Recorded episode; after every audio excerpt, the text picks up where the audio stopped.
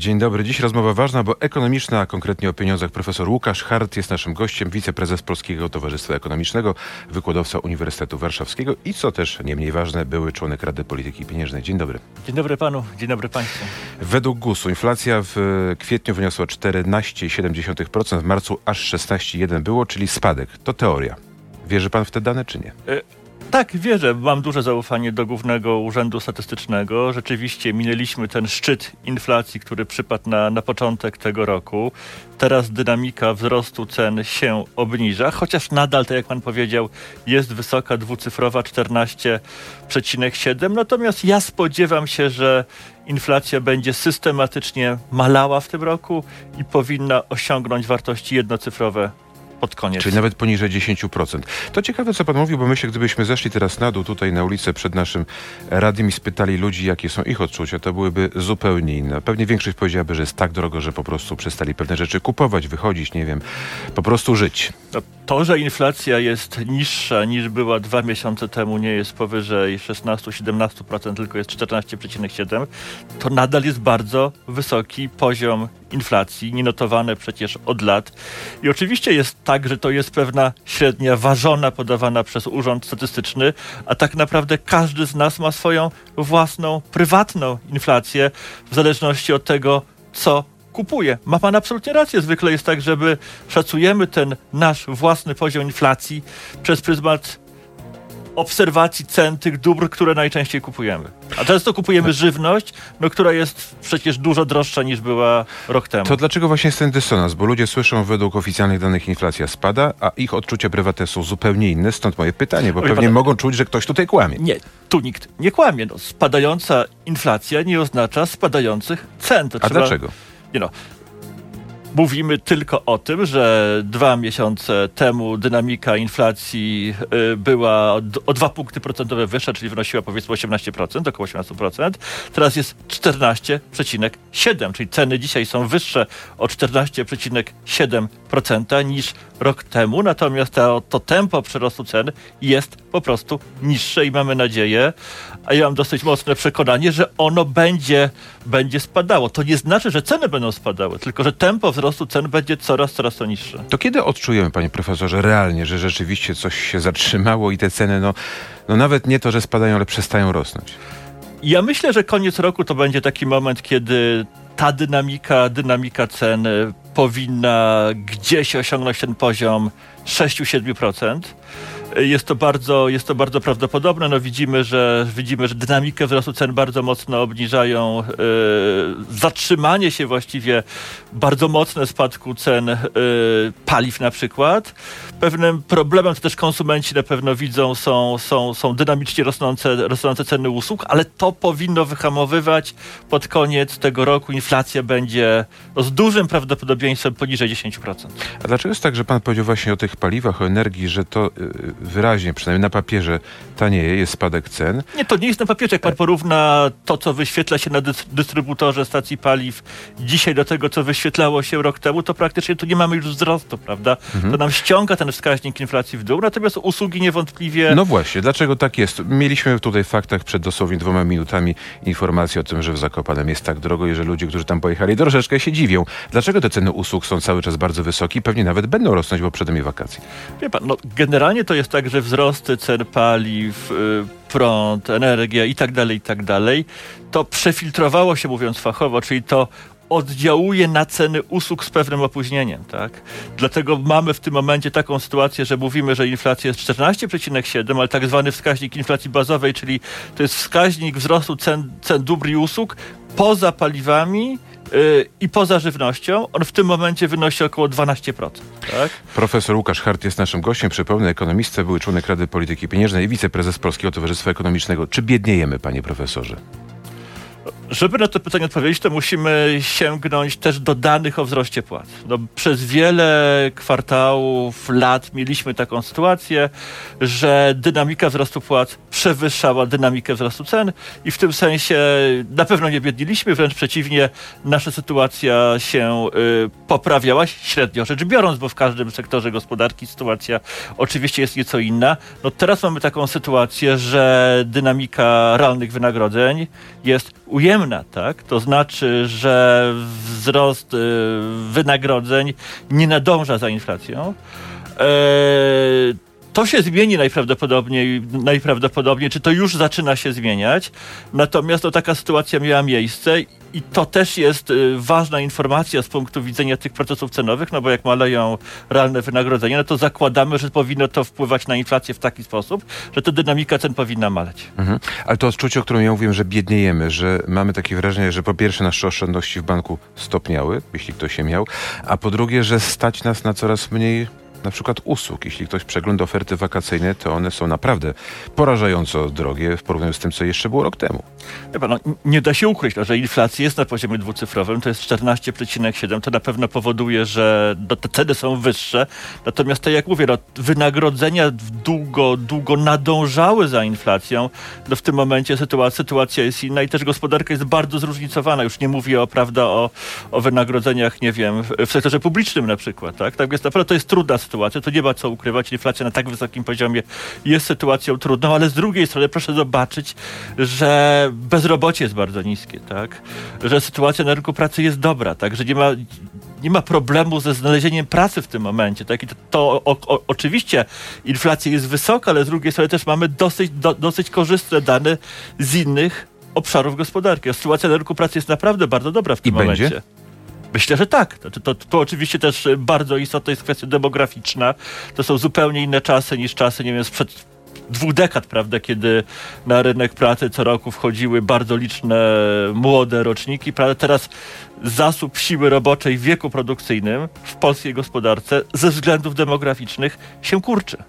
Jest szansa na to, żeby uzyskać podwyżkę u szefa, jak pan na to patrzy? No bo ten realny spadek płacy, jak pan powiedział, e, jest już ujemny. No tak. Można zapukać do gabinetu dyrektora i poprosić podwyżkę, czy to nie jest dobry moment? Nie no, myślę, że zawsze jest dobry moment, żeby zapukać to do, pytanie, gabinetu, się do gabinetu dyrektora i, i uzyskać, i, i, spróbować uzyskać podwyżkę. E, znowu, zależy od sektora, od sektora w gospodarce, no ale generalnie, generalnie obserwujemy jednak e, silny wzrost płac, to znaczy, że jednak to pukanie do dyrektorów o podwyżkę, przynajmniej w wielu przypadkach, no, kończy się sukcesem. No, płace rosną w polskiej gospodarce. Mam jeszcze chwilę czasu na cenie y, radia, więc zapytam, jeśli ktoś z naszych słuchaczy nas słucha, jedzie teraz samochodem na majówkę i pewnie, jeśli słuchał nas od godziny 8 albo 7, y, wie, że ludzie narzekają na to, że jest drogo w wielu miejscach tych, do których Polacy przyzwyczaili się jeździć w Polsce. Czy jest takie miejsce no, w Europie, tak, żeby nie używać jakiegoś tutaj samolotu, jechać gdzieś bardzo, lecieć bardzo daleko, gdzie ta majówka byłaby tańsza niż w Polsce. Wie pan, nawet jeśli dynamika cen w wielu krajach Unii Europejskiej jest niższa niż w Polsce, to nadal jest wysoka, a koszt dojazdu do tego miejsca w Europie też prawdopodobnie jest dosyć wysoki. Tak więc y, z tym problemem wysokich, wysokich cen, wysokiej dynamiki wzrostu cen mierzy się nie tylko Polska, mierzy się wiele krajów w Europie, natomiast to pozytywne jest to, że że powoli, ale systematycznie ta dynamika wzrostu cen będzie się w najbliższych miesiącach obniżała. Ona już się obniża, tak? Ten mhm. odczyt wstępny, co prawda za kwiecień, jednak jest dużo niższy niż ten marcowy. Ale tak realnie, dla ludzi. Jest takie miejsce w Europie, gdzie by, jakby pojechać teraz na 3, 4, może 5 dni, ten koszt pobytu tam byłby niższy niż w Polsce wie pan, to, to, trudno powiedzieć, tak? Znaczy, to jak mówię, no, y, nawet jeśli takie miejsce byśmy znaleźli, to koszt dojazdu jest bardzo wysoki. Co więcej, ta dynamika cen też w sektorze usług jest wysoka w wielu miejscach, w wielu miejscach Europy, tak więc mi się wydaje, że trzeba, a propos wydatków, trzeba zachować zdrowy rozsądek i szukać takich miejsc również w Polsce, też w kontekście majówki, yy, może nie tych najbardziej obleganych przez turystów, gdzie te ceny są, yy, te ceny są relatywnie niższe. Ta, to, to zróżnicowanie wzrostu cen w Polsce też jest dosyć wysokie. Wspomniał pan, nie wiem, o, o Podhalu, o Zakopanym, ale jest wiele innych miejsc w Polsce, również bardzo ładnych, tak? Gdzie na pewno te ceny są bardziej y, przystępne. Na przykład Cichy Las. E, Łukasz Dokładnie. Hart jest naszym gościem. Więcej tematów też związanych z makroekonomią już w naszych mediach społecznościowych, w radiu internetowym RMF24. Polecamy, zapraszamy. Do usłyszenia i zobaczenia. Panie profesorze, w grudniu 2021 roku w tym studiu się widzieliśmy, czyli to prawie dwa lata temu, i pan wówczas powiedział, na moje pytanie, czy czekają nas dwa lata drożyzny, pan wówczas powiedział, unikałbym słowa drożyzna. Czy dzisiaj zmieniłby pan zdanie, czy nie? Pan, To jest słowo bardzo atrakcyjne, e, używane w debacie publicznej. Ja unikam posługiwania się takim językiem. Znaczy, wydaje mi się, że, że ekonomia daje pewien język e, opisu rzeczywistości gospodarczej, wolny od, e, od emocji. E, I ja wolę posługiwać się pojęciem inflacji. Ona jest wysoka w tym momencie. E, Natomiast też e, na pewno jest to sytuacja pod kontrolą. Tak? To też y, unikałbym, y, unikałbym znowu nadmiernych emocji. Sytuacja jest pod kontrolą. Narodowy Bank Polski istotnie podniósł stopę procentową. Y, dynamika cen, y, dynamika cen obniża się. Tak? Y, Kurs walutowy jest stabilny, rentowności polskich obligacji są stabilne. Jak porównujemy, nie wiem, sytuację Polski chociażby do Węgier, tak, gdzie Mhm. stabilnie na pewno nie jest, to tutaj my naprawdę, naprawdę sytuacja, oczywiście jest wysoka inflacja, tak, to jest, to jest potężna rysa na tym generalnie korzystnym obra, obrazie naszej gospodarki, ale ten taki duży obraz naszej gospodarki nadal jest dobry. Można było uniknąć tej inflacji, panie profesorze, bo mm, pan był członkiem Rady Polityki Pieniężnej, czyli też no, był w tym gronie, który wpływa na politykę pieniężną. Dzisiaj bardzo wiele osób, szczególnie e, zajmujących się polityką, bardzo mocno krytykują i Radę, a przede wszystkim profesora Adama Glapińskiego. E, Pan by dzisiaj powiedział, że to jest wina właśnie NBP-u, polityki Rady Polityki Pieniężnej, że mamy tak wysoką inflację, czy nie? Nie, nie, to jest, to, to jest na pewno problem bardziej złożony. Tak? Proszę zobaczyć, że, że ta wysoka inflacja e, ma wiele powodów. Tak? E, Wiele z tych powodów jest poza kontrolą Narodowego Banku Polskiego, chociażby no, spektakularny wzrost e, cen, cen paliw czy energii elektrycznej notowany w roku 2000, e, 2021. Przecież wojna hybrydowa, którą wywołał Putin w Europie, nie zaczęła się 24 lutego. Tak? Zaczęła się wcześniej, tak? więc to jest przecież istotny, istotny czynnik yy, podnoszący inflację. Wcześniej COVID, tak? Zerwanie łańcuchów produkcyjnych. No i wreszcie to, co zrobiliśmy, mówię zrobiliśmy, bo wtedy byłem w Radzie Polityki Pieniężnej, to znaczy jak wybuchła pandemia, no jednak uruchomiliśmy spektakularny program wsparcia polskiej gospodarki, e, skupu obligacji skarbowych przez i gwarantowanych przez Skarb Państwa, przez NBP. Z tego zostały sfinansowane w dużej mierze tarcze antykryzysowe PFR-u i gospodarka nie runęła, nie weszła w potężną recesję i oczywiście ta wysoka inflacja do pewnego stopnia jest ceną, jaką płacimy za to, co wtedy się stało. A może mówi pan tak z perspektywy tego, że pan tam wtedy był w Radzie Polityki Pieniężnej, trudno panu te decyzje krytykować. Może gdybyśmy zostawili e, ten, ten rozdział i spojrzeli teraz Nie, obiektywnie. w, w, w, w, wie pan co? Tu są dwie rzeczy. Znaczy, ja nie mam absolutnie żadnych wątpliwości, że to, co jako Rada zrobiliśmy w marcu i kwietniu 2020 roku, było zgodne z polską racją stanu. Znaczy, walczyliśmy o to, aby uchronić gospodarkę od upadku. I to się udało. To był początek pandemii, To był tak? początek pandemii. Oczywiście dyskusja dotyczy bardziej, mi się wydaje, chyba pan o to też pyta, roku 2021, prawda? Czy nie można było zacząć podnosić stóp procentowych wcześniej? Mhm. Moim zdaniem, też to mówiłem podczas tego naszego spotkania, do którego pan nawiązał przed chwilą, w grudniu 2021 roku, no, no, dzisiaj to, to jest oczywiste, wydaje się, tak, że te stopy można było wcześniej zacząć podnosić. Wtedy, kiedy ten pieniądz wykreowany dla ratowania gospodarki zaczął bardzo mocno płynąć na rynek. Ale nawet gdybyśmy te stopy podnieśli wcześniej e, i, i, i tak zareagowali na ten e, wtedy wybuchający inflacyjny pożar, to inflacja i tak byłaby teraz wysoka, bo tych innych czynników proinflacyjnych jest znaczy, teraz jest coraz mniej, na szczęście, prawda? No ale też w związku z tym, co, co robiła Rosja w Europie, tych czynników było bardzo dużo, prawda? To, panie profesorze, mamy Putin inflację, jak to e, e, twierdzi premier, czy mamy PiS inflację, jak to twierdzi opozycja? Wie pan, ja nie chcę wchodzić w narrację polityczną. E, Na pewno w inflacji dzisiaj istotną rolę gra to, co zrobił Putin w Europie. Tak? Znaczy to, to, to, nie można absolutnie tego abstrahować. Wzrost cen, e, cen gazu, w szczególności i innych paliw w 2021 roku, szczególnie od połowy 2021 roku, wojna hybrydowa. Absolutnie tak. Natomiast oczywiście to nie jest tylko Putin, prawda?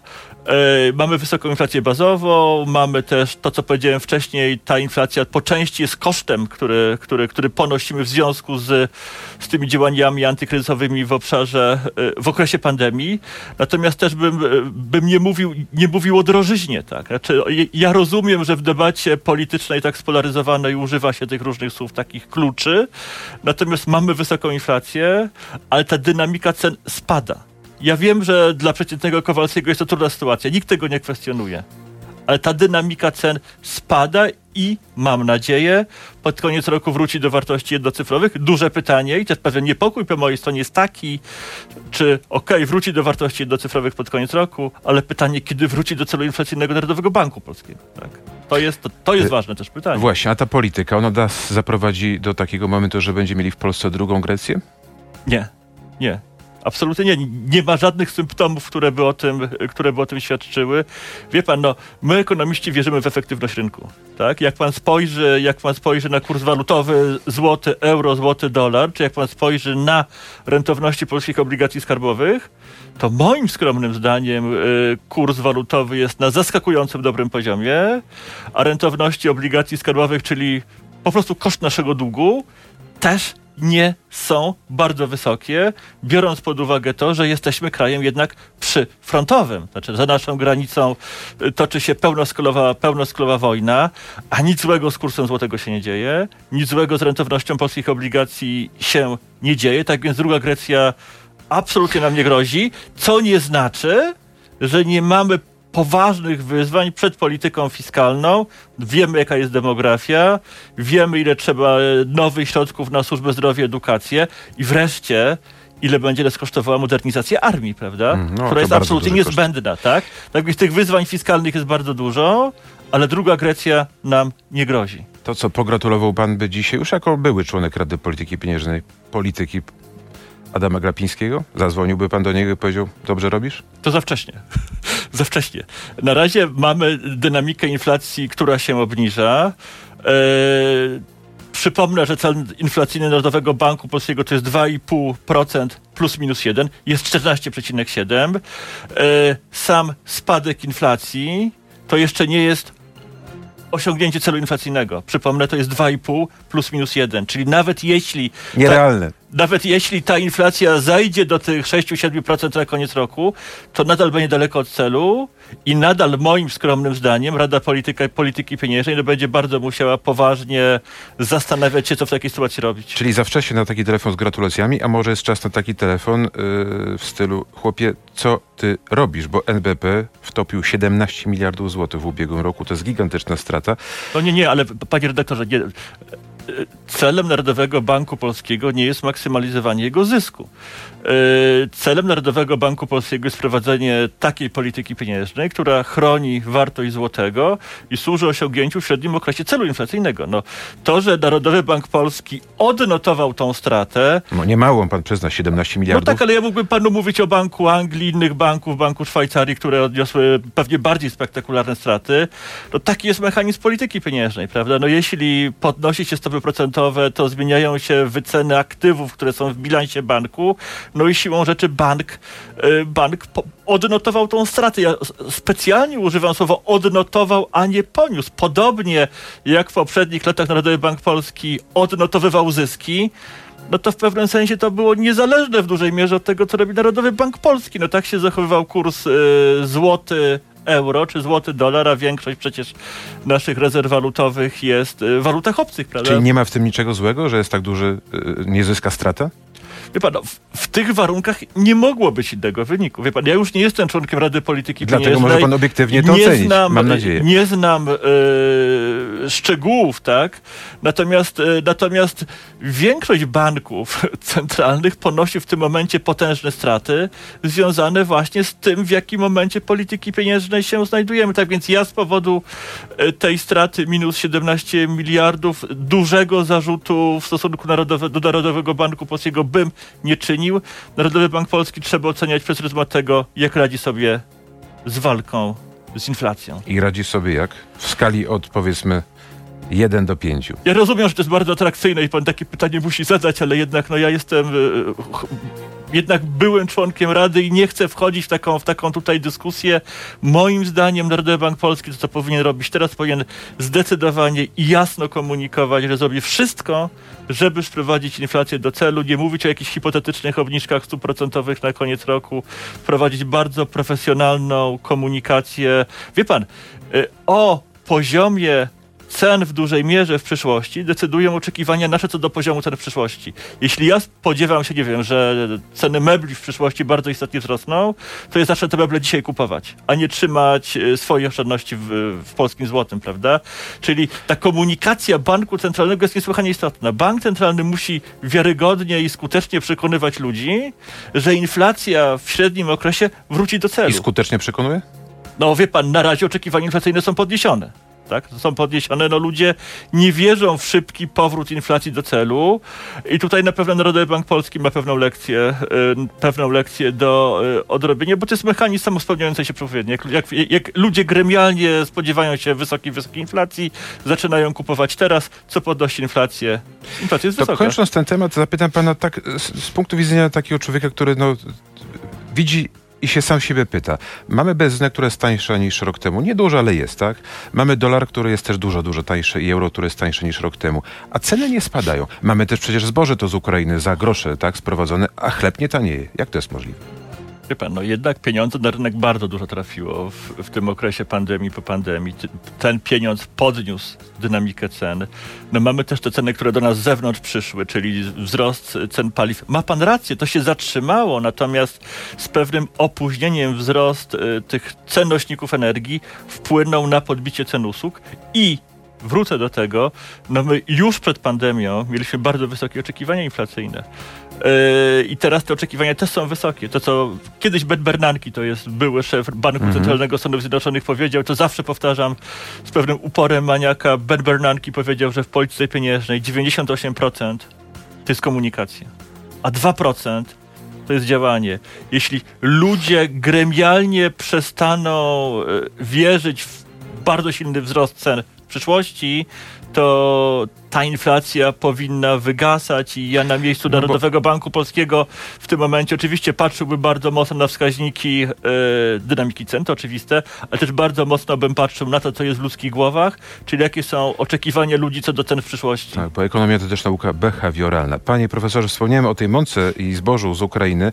E, rząd tutaj ma, nie po raz pierwszy zresztą, taką politykę dotacji, tak? Co jest jakiś kłopot, mamy dotacje, mamy jakieś tam dopłaty, rolnicy w tym momencie są, nie wiem, czy bardzo, ale jednak jakoś tam mhm. przynajmniej w miarę zadowoleni. Jak długo taka polityka jest możliwa i czy to będzie tak, że jesienią przyjdzie nowy rząd, nie wiem jaki, otworzy ten tutaj safe z pieniędzmi państwowymi i on będzie pusty? Nie, myślę, że safe, y, safe nie będzie pusty. No wiemy, że w tym momencie trwają też y, negocjacje, rozmowy polskiego rządu z Komisją Europejską. Polityka rolna jest jedną z niewielu polityk e, w Unii Europejskiej właściwie scentralizowaną i przeniesioną na ten poziom, na ten poziom europejski. Rzeczywiście sytuacja, sytuacja w rolnictwie jest trudna, tak? I, i, i rząd, to nie tylko polski rząd, rządy, to też... Zgoda, tylko mówię o tych dopłatach. Polityka uh dopłat, ona się zaczęła w czasie pandemii, właściwie trwa nie, nie, no, przerwaniu już trzeci rok. Wie pan, ale to, to trzeba jednak rozróżnić, tak? Znaczy, możemy mieć politykę tarcz antyinflacyjnych, które bardzo szeroko wspierają dochody ludności, prawda? A z drugiej strony możemy mieć politykę pewnych celowanych tarcz, które wspierają tych, którzy w, w, danym momencie są w sytuacji szczególnie trudnej. Czyli to nie jest drenowanie I, i, i, i państwowej moim, kasy? I moim zdaniem, to jak na początku tego wzrostu cen, te szerokie tarcze antyinflacyjne były do przyjęcia, bo one też właśnie redukowały oczekiwania inflacyjne, o tym się zapomina, e, to to teraz już nie ma, wydaje mi się, dużej przestrzeni na tego typu tarcze, natomiast nadal jest przestrzeń do wspomagania tych, szczególnie tych uboższych, mówię już generalnie, nie mówię o samych rolnikach, w których e, czy wysokie ceny, czy problemy na pewnych szczególnych rynkach szczegól, szczególnie mocno uderzają. Czyli nie szeroko, ale bardziej celowanie można i czasami należy wspierać. Czyli nie jest to drenowanie budżetu i nie jest to tak, że zadłużamy się na wiele pokoleń. Y, panie redaktorze, no, wskaźniki naszego budżetu są na bezpiecznych poziomach. W tym momencie. Znowu, powtórzę, to nie znaczy, że nie mamy wyzwań, bo społeczeństwo się będzie szybko przechodziło proces starzenia się. Dotacje do Funduszu Ubezpieczeń Społecznych będą z roku na rok rosły. Wydatki na armię, służbę zdrowia albo pandemię, to wszystko będzie tą sytuację fiskalną na pewno czyniło dużym wyzwaniem dla każdego rządu. Tak? Natomiast w tym momencie sytuacja jest pod kontrolą. Najlepszym miernikiem są, jest kurs walutowy, rentowność polskich obligacji. Inwestorzy wchodzą do Polski. E, widzą Polskę jako ciekawe miejsce do inwestowania e, i ta, te fundamenty gospodarki naszej polskiej są nadal Mówił silne. Profesor Łukasz Hart, ekonomista, wiceprezes Polskiego Towarzystwa Ekonomicznego i były członek Rady Polityki Pieniężnej. Dziękuję panie profesorze. Dziękuję panu. Dobrego Dziękuję i w miarę taniego dnia i całej majówki. Dziękujemy. Dziękuję bardzo.